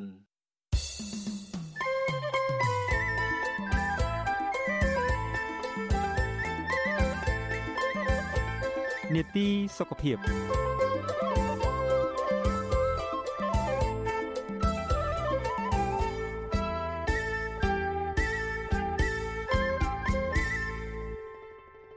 ចាលោកនានីជាទីមេត្រីអង្គការសុខភាពពិភពលោកប្រចាំនៅកម្ពុជា នៅថ្ងៃទី1ខែមីនាម្សិលមិញបានផ្ដល់វ៉ាក់សាំងប្រភេទ Tamiflu ចំនួន3000ដូសដែលជាថ្នាំសម្រាប់ព្យាបាលជំងឺផ្ដាសាយបាក់សី H5N1 ដើម្បីការពារកុំឲ្យជំងឺនេះរីករាលដាលខ្លាំងនៅក្នុងប្រទេសកម្ពុជាការផ្ដល់ថ្នាំនេះធ្វើឡើងក្រោយពីកុមារីម្នាក់អាយុ11ឆ្នាំ បានស្លាប់កាលពីថ្ងៃទី22ខែកុម្ភៈ ដោយសារជំងឺផ្ដាសាយបាក់សី H5N1 និងបានឆ្លងទៅមនុស្សមួយចំនួនទៀតរួមទាំងឪពុកបង្កើតរបស់កុមារីរងគ្រោះនេះនៅស្រុកស៊ីធរកណ្ដាលខេត្តប្រៃវែកតើអ្វីទៅ គឺជាជំងឺផ្ដាសាយបាក់សី H5N1 ហើយគឺមានវិធីណាខ្លះដើម្បីបង្ការការឆ្លងមកមនុស្សចាននៅក្នុងនេតិសុខភាពប្រចាំសប្តាហ៍នេះនាងខ្ញុំម៉ៃសុធានីសូមរាយការណ៍ជូនពុស្ដាជំវិញរឿងនេះដូចតទៅ ជំងឺផ្ដាសាយបាក់សី H5N1 ហៅថា bird flu គឺជាជំងឺឆ្លងគ្រុនផ្ដាសាយទៅលើសត្វបណ្ដាលឲ្យប៉ះពាល់ផ្លូវដង្ហើមធ្ងន់ធ្ងរនិងរលាកខួរក្បាលជាធម្មតាជំងឺនេះមិនឆ្លងលើមនុស្សទេក៏ប៉ុន្តែមានករណីខ្លះគឺអាចឆ្លងទៅលើមនុស្សបានដែរដោយសារតែពួកគេប៉ះពាល់ដោយផ្ទាល់ជាមួយនឹងសត្វបក្សាបក្សីរស់ឬស្លាប់ដែលមានផ្ទុកមេរោគនេះនៅពេលដែលមេរោគផ្ដាសាយនេះឆ្លងទៅមនុស្ស ករណីខ្លះគ្មានចេញរោគសញ្ញានោះឡើយហើយករណីខ្លះទៀតគឺមានរោគសញ្ញាបន្តិចបន្តួចប៉ះសិនបើអ្នកជំងឺមិនទទួលសេវាព្យាបាលទាន់ពេលវេលាទេនោះមនុស្សដែលឆ្លងជំងឺផ្ដាសាយបាក់សីអាចវិវត្តឈឺធ្ងន់និងអាចស្លាប់ហើយដែលនេះគឺមានអត្រាស្លាប់ខ្ពស់រហូតដល់ទៅ60%គឺខ្ពស់ជាងការស្លាប់ដោយសារជំងឺ Covid-19 ទៅទៀតចាគ្រូពេទ្យជំនាញឯកទេសជំងឺទូទៅនិងរោគកុមារ លោកវិជ្ជបណ្ឌិតហេងរតនាម្ចាស់ Clinic មេតា មានប្រសាសន៍ប្រាប់ប្រជាស្រីតាមទូរស័ព្ទថាជំងឺផ្ដាសាយបាក់សីឆ្លងតាមរយៈការប៉ះពាល់ដោយផ្ទាល់ជាមួយសត្វដែលមានផ្ទុកមេរោគ H5N1 គឺតាមទឹកមាត់ទឹកសម្បោរនិងលាមកសត្វឈឺឬងាប់និងកន្លែងដែលមេរោគទុំលើជាដើមបើខ្លួនតាមពិតវាបកឡើងដោយមេរោគច្រើនម្ដាយនៅខ្មែរយើងដែលយើងជួបងាប់ហើយការវិផ្ទុះឆ្នាំណាម្ដងហ្នឹងគឺមេរោគ ពួក H5N1 ថា H5 និង N1 គឺពួកវីរុសផ្លូវដង្ហើមឬនៅក្នុងវីរុសដាសាយហ្នឹងហើយអាហ្នឹងវាឆ្លងតាមរយៈការប៉ះពាល់ទៅលើបាក់សីបាក់សីដែលស្លាប់ពេលយើងប៉ះប៉ះពាល់ទៅលើបាក់សីដែលស្លាប់ទៅអាមេរោគវិញអាចនឹងទុំលើដៃយើងហើយនៅពេលដែលយើងយកមកចាប់ញ៉ាំចំណីអាហារទៅវាចូលតាមមាត់តាមច្រមុះយើងវាធ្វើឲ្យយើងឆ្លងពេលទៅវាយលុកធ្វើឲ្យរលាកសួតយើងឬខ្លាំងវាធ្វើរលាកខួរក្បាលហើយធ្វើឲ្យបណ្ដាលឲ្យស្លាប់ហ្នឹងណា ហើយវាក៏អាចបន្តឆ្លងពីមនុស្សម្នាក់ទៅម្នាក់ដែរតាមរយៈទឹកមាត់ទឹកសបោកដាស់ពីអ្នកជំងឺអង្គការសុខភាពពិភពលោកបានដឹងថាចំពោះរោគសញ្ញាដំបូងដំបូងនៃជំងឺផ្ដាសាយបាក់សី H5N1 នេះដែលឆ្លងទៅមនុស្សវិញ គឺរួមមានឈឺពោះឈឺទ្រូងរាករូសគ្រុនក្តៅ39អង្សាឡើងទៅក្អកហៀសម្បោឈឺបំពង់កឈឺសាច់ដុំដង្ហក់និងពិបាកដកដង្ហើម ជំងឺផ្ដាសាយបាក់សីគ្មានថ្នាំចាក់បង្ការនោះទេក៏ប៉ុន្តែអង្គការសុខភាពពិភពលោកផ្ដល់អនុសាសន៍ដល់ប្រជាពលរដ្ឋដែលចិញ្ចឹមសត្វឬក៏ធ្វើជំនួញសត្វគួរតែចាក់ថ្នាំបង្ការជំងឺគ្រុនផ្ដាសាយតាមរដូវដើម្បីកាត់បន្ថយហានិភ័យខ្ពស់នៃការវិវត្តឈឺធ្ងន់ដោយសារការឆ្លងជំងឺផ្ដាសាយបាក់សី H5N1 ចាចំពោះវិធីបង្ការវិញលោកវិជ្ជបណ្ឌិតហៀងរតនាណែនាំដល់ប្រជាពលរដ្ឋ ត្រូវលាងដៃជាមួយសាប៊ូឲ្យបានញឹកញាប់ជាពិសេសនៅពេលមុនបរិភោគឬក៏ក្រោយប៉ះសัตว์ដូចជាមាន់ទាដាក់កុមារនៅឆ្ងាយពីសត្វបាក់សីនិងដាក់សត្វបាក់សីនៅឆ្ងាយពីកន្លែងរស់នៅបន្ថែមពីនេះលោកវិជ្ជបណ្ឌិតក៏បានផ្ដល់ដំបូន្មានកុំឲ្យទទួលទានសត្វបាក់សីឬមាន់ទាដែលឈឺឬងាប់ឲ្យសោះទី1កុំប៉ះឬតលេងជាពិសេសក្មេងៗហ្នឹងគឺធ្វើឆ្លងក្មេងវិញ ឬក៏អ្នកខ្លះអ្នកគាត់ទៅមន់ខ្ញុំទៅប៉ះបាក់សីឬឈឺឬងាប់ទី2នៅពេលដែលយើងទំយកបាក់សីមកថ្មីជាពិសេសបាក់សីឬមន់អ្នកខ្លះគាត់ទិញមកពីក្រៅពីអីមកថ្មីយើងទៅក្រុងវាទុក14ថ្ងៃសិនហើយដូចចតាលេខសាក់អញ្ចឹងនៅពេលដែលវាកំពុងផ្ទុះហើយច្បាស់ថាសត្វទាំងអស់ហ្នឹងវាអត់មានអត់មានជំងឺនៅពេលដែលវាបើយើងការពារការឆ្លងរីណាទៅលើសត្វបានវាក៏បន្ថយហានិភ័យឆ្លងមកលើមនុស្សដែរព្រោះបើសត្វឆ្លងកាន់តែច្រើនហានិភ័យឆ្លងមកលើមនុស្សកាន់តែច្រើន ហើយនៅពេលដែលសត្វឈឺឬងាប់បើយើងសង្ស័យថាវាឈឺឬងាប់ដោយសារជំងឺយើងក៏បរិភោគវាយកវាទៅកប់ឬដុតចោលឲ្យបានស្រួលហើយពេលកប់ឬដុតចោលនោះត្រូវពាក់ស្រោមដៃពាក់អីឲ្យបានត្រឹមត្រូវផងរហូតមកដល់ថ្ងៃទី1ខែមីនាក្រសួងសុខាភិបាល នៅមិនទាន់រកឃើញការឆ្លងវីរុសផ្ដាសាយបាក់សី H5N1 ពីមនុស្សម្នាក់ទៅមនុស្សម្នាក់ទៀតនៅឡើយទេ លើកលែងតែកុមារីម្នាក់អាយុ11ឆ្នាំ រស់នៅស្រុកសិទ្ធរកណ្ដាលខេត្តព្រៃវែងដែលបានស្លាប់កាលពីថ្ងៃទី22ខែកុម្ភៈចំណែកឪពុកបង្កើតរបស់កុមារីរងគ្រោះដែលស្លាប់នោះក៏ត្រូវបានវិជ្ជបណ្ឌិតជំនាញអនុញ្ញាតឲ្យចេញពីមន្ទីរពេទ្យត្រឡប់មកផ្ទះវិញកាលពីថ្ងៃទី28ខែកុម្ភៈក្រោយពីបានទទួលសេវាព្យាបាល និងលទ្ធផលធ្វើតេស្តអវិជ្ជមានចំនួន3លើក នាយកដ្ឋានប្រយុទ្ធនឹងជំងឺឆ្លងរបស់ក្រសួងសុខាភិបាលកម្ពុជាក៏បានបញ្ជាក់កាលពីថ្ងៃទី25ខែកុម្ភៈថាវីរុសផ្ដាសាយបាក់សី H5N1 ដែលបណ្ដាលឲ្យកុមារីឈឺស្លាប់នោះ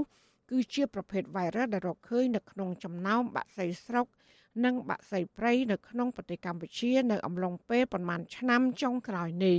នាយកដ្ឋានប្រយុទ្ធនឹងជំងឺឆ្លងដដែលក៏បានឲ្យដឹងដែរថា អំបូរវីរុសប្រាសាយបាក់សី H5N1 នេះគឺខុសពីអំបូរវីរុសប្រាសាយបាក់សី H5N1 នៅតាមបណ្ដាប្រទេសនៅតំបន់ផ្សេងទៀតនៅលើពិភពលោកអង្គការសុខភាពពិភពលោកប្រចាំកម្ពុជាកាលពីថ្ងៃទី1ខែមីនាម្សិលមិញក៏បានផ្ដល់វ៉ាក់សាំងប្រភេទ Tamiflu ចំនួន3000ដូសដែលជាថ្នាំសម្រាប់ព្យាបាលប្រឆាំងមេរោគ H5N1 ដើម្បីការពារកុំឲ្យមានការរីករាលដាលខ្លាំងនៅក្នុងប្រទេសកម្ពុជា ការផ្ដល់ថ្នាំនេះធ្វើឡើងក្រោយពីអង្គការសុខភាពពិភពលោកកាលពីថ្ងៃទី24ខែកុម្ភៈបានសម្ដែងក្តីបារម្ភអំពីការរីករាលដាលនៃជំងឺផ្ដាសាយបាក់សីក្រោយពីមានករណីស្លាប់និងឆ្លងជំងឺនេះទៅលើមនុស្សឡើងវិញនៅក្នុងប្រទេសនាយិកាទទួលបន្ទុកត្រៀមរៀបចំនិងបង្ការជំងឺរាតត្បាតរបស់អង្គការសុខភាពពិភពលោកប្រចាំកម្ពុជា អ្នកស្រី Sylvia Bryan បានថ្លែងនៅក្នុងសន្និសីទកាសែតកាលពីពេលថ្មីៗនេះថាវាហាក់ដូចជាឆាប់ពេកក្នុងការអះអាង ថាជំងឺផ្ដាសាយបាក់សី H5N1 នេះវាឆ្លងពីមនុស្សទៅមនុស្សទោះយ៉ាងណាក៏ដោយទាំងក្រសួងសុខាភិបាលនិងអង្គការសុខភាពពិភពលោក កំពុងតាមដានដោយយកចិត្តទុកដាក់ពីលទ្ធភាពរាលដាលនៃជំងឺផ្ដាសាយបាក់សី H5N1 ក្រសួងសុខាភិបាលឲ្យដឹងថាចាប់តាំងពីឆ្នាំ2005មកប្រទេសកម្ពុជាមានករណីជំងឺផ្ដាសាយបាក់សីកើតទៅលើមនុស្សចំនួន58នាក់ក្នុងនោះស្លាប់39នាក់ចំណែកឯស្ថិតិអង្គការសុខភាពពិភពលោកវិញក៏បានឲ្យដឹងដែរថាជំងឺផ្ដាសាយបាសី H5N1 នេះដែលឆ្លងទៅមនុស្សចាប់តាំងពីឆ្នាំ2003រហូតមកដល់ខែកុម្ភៈឆ្នាំ2023នេះ គឺមានចំនួន873នាក់ក្នុងនោះ458នាក់បានស្លាប់នៅក្នុងប្រទេសចំនួន21ទូទាំងពិភពលោក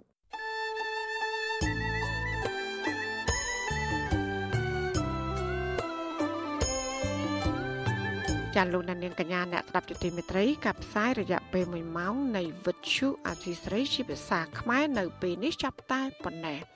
ចាយើងខ្ញុំទាំងអស់គ្នាសូមជូនពរលោកនាងព្រមទាំងក្រុមគូសាទាំងអស់សូមជួបប្រកបតែនឹងសេចក្តីសុខសេចក្តីចម្រើន ជានិរន្តរ៍ចានាងខ្ញុំម៉ៃសុធានីព្រមទាំងក្រុមការងារទាំងអស់នៃវិទ្យុអសីស្រីសូមអរគុណនិងសូមជម្រាបលា